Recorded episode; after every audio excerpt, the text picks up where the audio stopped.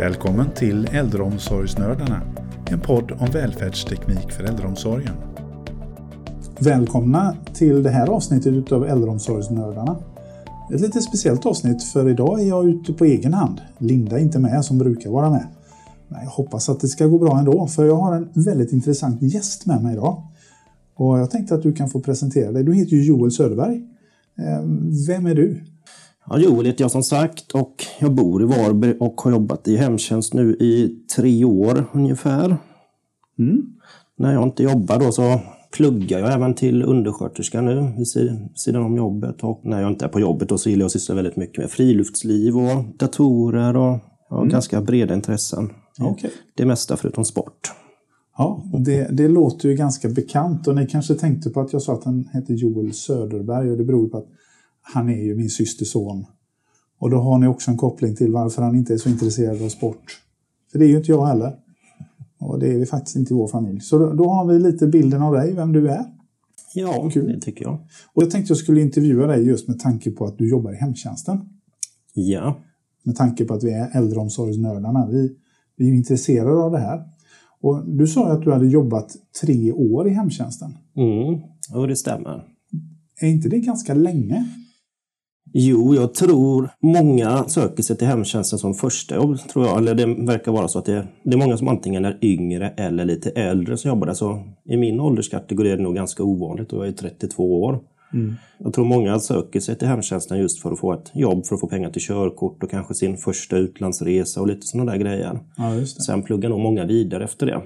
Mm. Och jag själv kom in på denna banan för att jag började plugga till sjuksköterska. Och då valde jag att söka jobb inom hemtjänsten just för att lära mig att jobba med människor. Mm. Eh, men sen blev det lite för mycket med studierna där så jag fortsatte aldrig den utbildningen så nu studerar jag till undersköterska då istället. Ja, ja. det låter ju bra. Mm. För det är ju såklart, eh, det är många som du säger, det är stor personalomsättning. Det är en av utmaningarna. Vi kommer mm. nog komma tillbaka till den sen lite senare i det här avsnittet. Men jag tänkte bara lite kort för oss då som inte jobbar i hemtjänst. Hur, eh, hur ser en normal arbetsdag ut för dig? Ja, om vi säger då att jag jobbar 7 till 16 passet då, då börjar det ofta med att vi, vi har en genomgång på morgonen. Alla i personalen och där vi går igenom dokumentation från föregående dag. Till exempel det kan ha varit att någon har ramlat eller att någon har fått någon ändring med mediciner och sånt här. Eh, sen ger vi oss ut då man åker till första vårdtagare. Vissa har ju dubbelbemanning då, där behöver det vara två stycken. Det kan ju se väldigt olika ut hos vårdtagarna. Vissa mm. behöver ju hjälp med allt, alltså ta sig till toaletten och behöver hjälp med dusch och göra i ordning mat och sånt. Och vissa behöver till och med hjälp med matning. Mm. Medan andra kanske det är mer en tillsyn och kanske har lite mer psykiska besvär så man är med där och pratar med dem och stöttar dem och Just det. Så det kan se väldigt olika ut. Ja, så just det här att ha en normal arbetsdag, det kanske är svårt att säga, för all, ingen dag är den andra lik. Nej, precis, det kan man verkligen säga. Ja, ja det, det är ju spännande, för jag tänker många som jobbar kanske vill ha lite struktur och de vill veta lite vad de ska pyssla med under dagen och kanske planera, men det verkar vara rätt svårt att göra det då i hemtjänstuppdraget. Ja, det enda du egentligen kan planera det är du kan ju kanske försöka lägga upp besöka lite som du själv vill. Alltså, men sen är det klart, du kan ju inte komma sent till någon som ska ha insulin till exempel. Men mm. man kan ju försöka planera upp det på det sättet så det är liksom lite kortare transportsträckor och så. Ja, just det. Men annars är det ju det är svårt att liksom planera ett besök för, i och med att det är människor man jobbar med. För det, vad som helst kan ju hända. Ja, det är klart. Mm. Ja. Hur ser bemanningen ut då på på din avdelning eller din, ditt område? Eller hur? Vi är cirka 25 stycken som jobbar på mitt område. Då. Mm. Vi har ju några vikarier också. Mm. Någon är månadsanställd och innebär att de förnyar anställningen varje månad. Och sen har vi även timvikarier. Okay. Eh, oftast om man börjar med att ringa in om det är någon som är sjuk eller ja, om de behöver extra personal och så. Mm. Mm. Ja, jag förstår. Då är det ändå en förhållandevis stor grupp ändå? Eller? Ja, det tror jag. Den har blivit väldigt stor. När jag började för tre år sedan så var den inte riktigt lika stor. Så jag skulle tro i alla fall att vi har ökat bemanningen med kanske, om jag får gissa lite, kanske 15-20 procent i alla fall. Ja, okay. Så det är en ganska stor grupp skulle jag säga. Mm. Det låter ju ändå positivt att ni har ökat med tanke på att andelen äldre också ökar ständigt. Mm. Vad är utmaningarna skulle du säga en, en dag?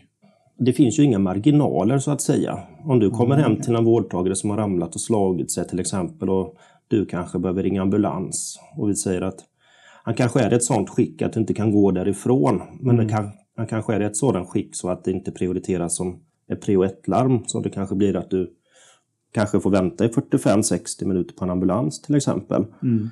Eh, då kan det vara ganska svårt att få resten av dagen att gå ihop om dina kollegor också har det ganska kämpigt just den dagen. Ja, det är klart. Så jag skulle nog säga att det, det finns för lite marginaler och det är för kort tid mellan besöken till vårdtagarna. Det ser mm. jag som en utmaning under en arbetsdag. Ja, just det.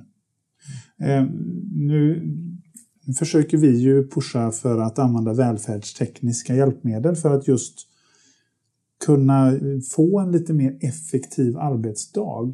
Mm. Eh, vilka välfärdstekniska hjälpmedel använder ni? Vi har ju bland annat eh, kassaskåp, digitala kassaskåp som vi låser in mediciner. Det kan vara någon hos dementa vårdtagare till exempel eller att det är narkotikaklassade läkemedel.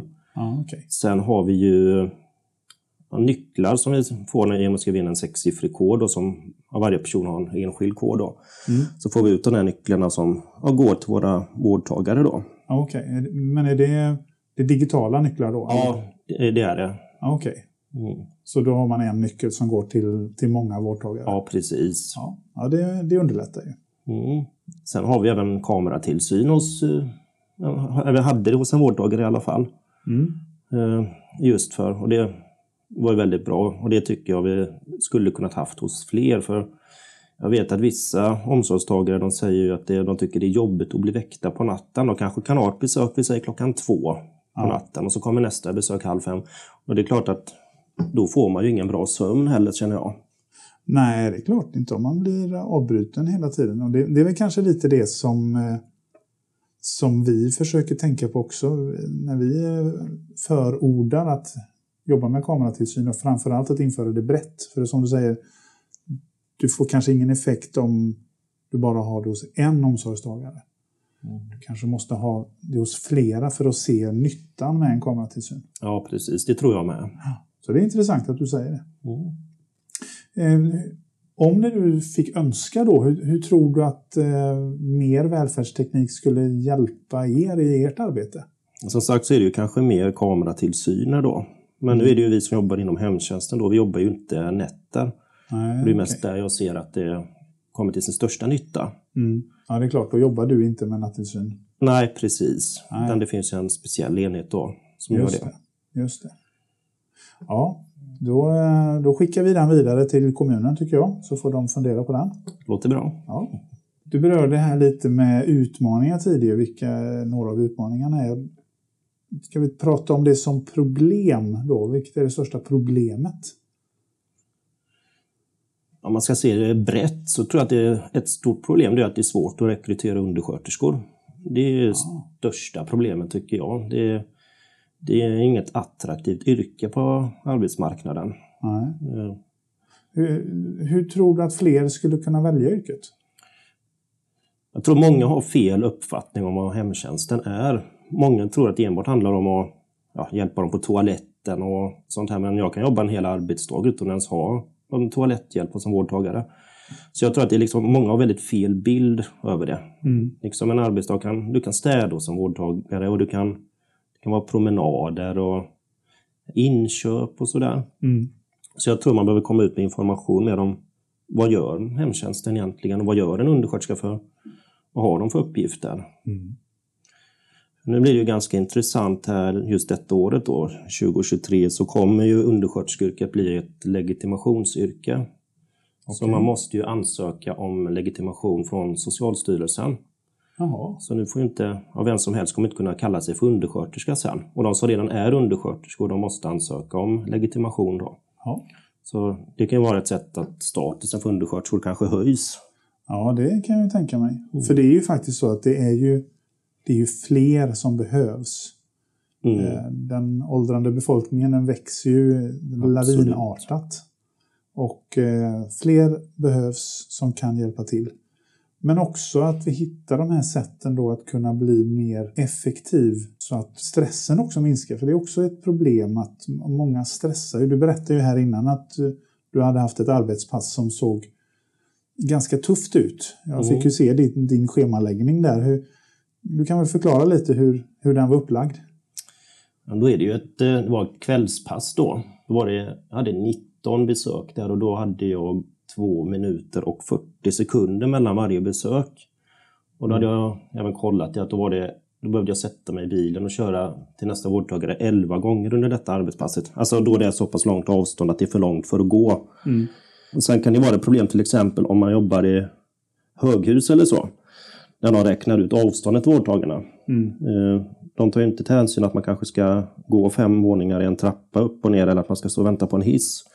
Så de här två minuter och 40 sekunder, de hinner ju gå redan innan den sätter dig i bilen ofta. Just det. Så det är ju en utmaning, Verkligen. tycker jag.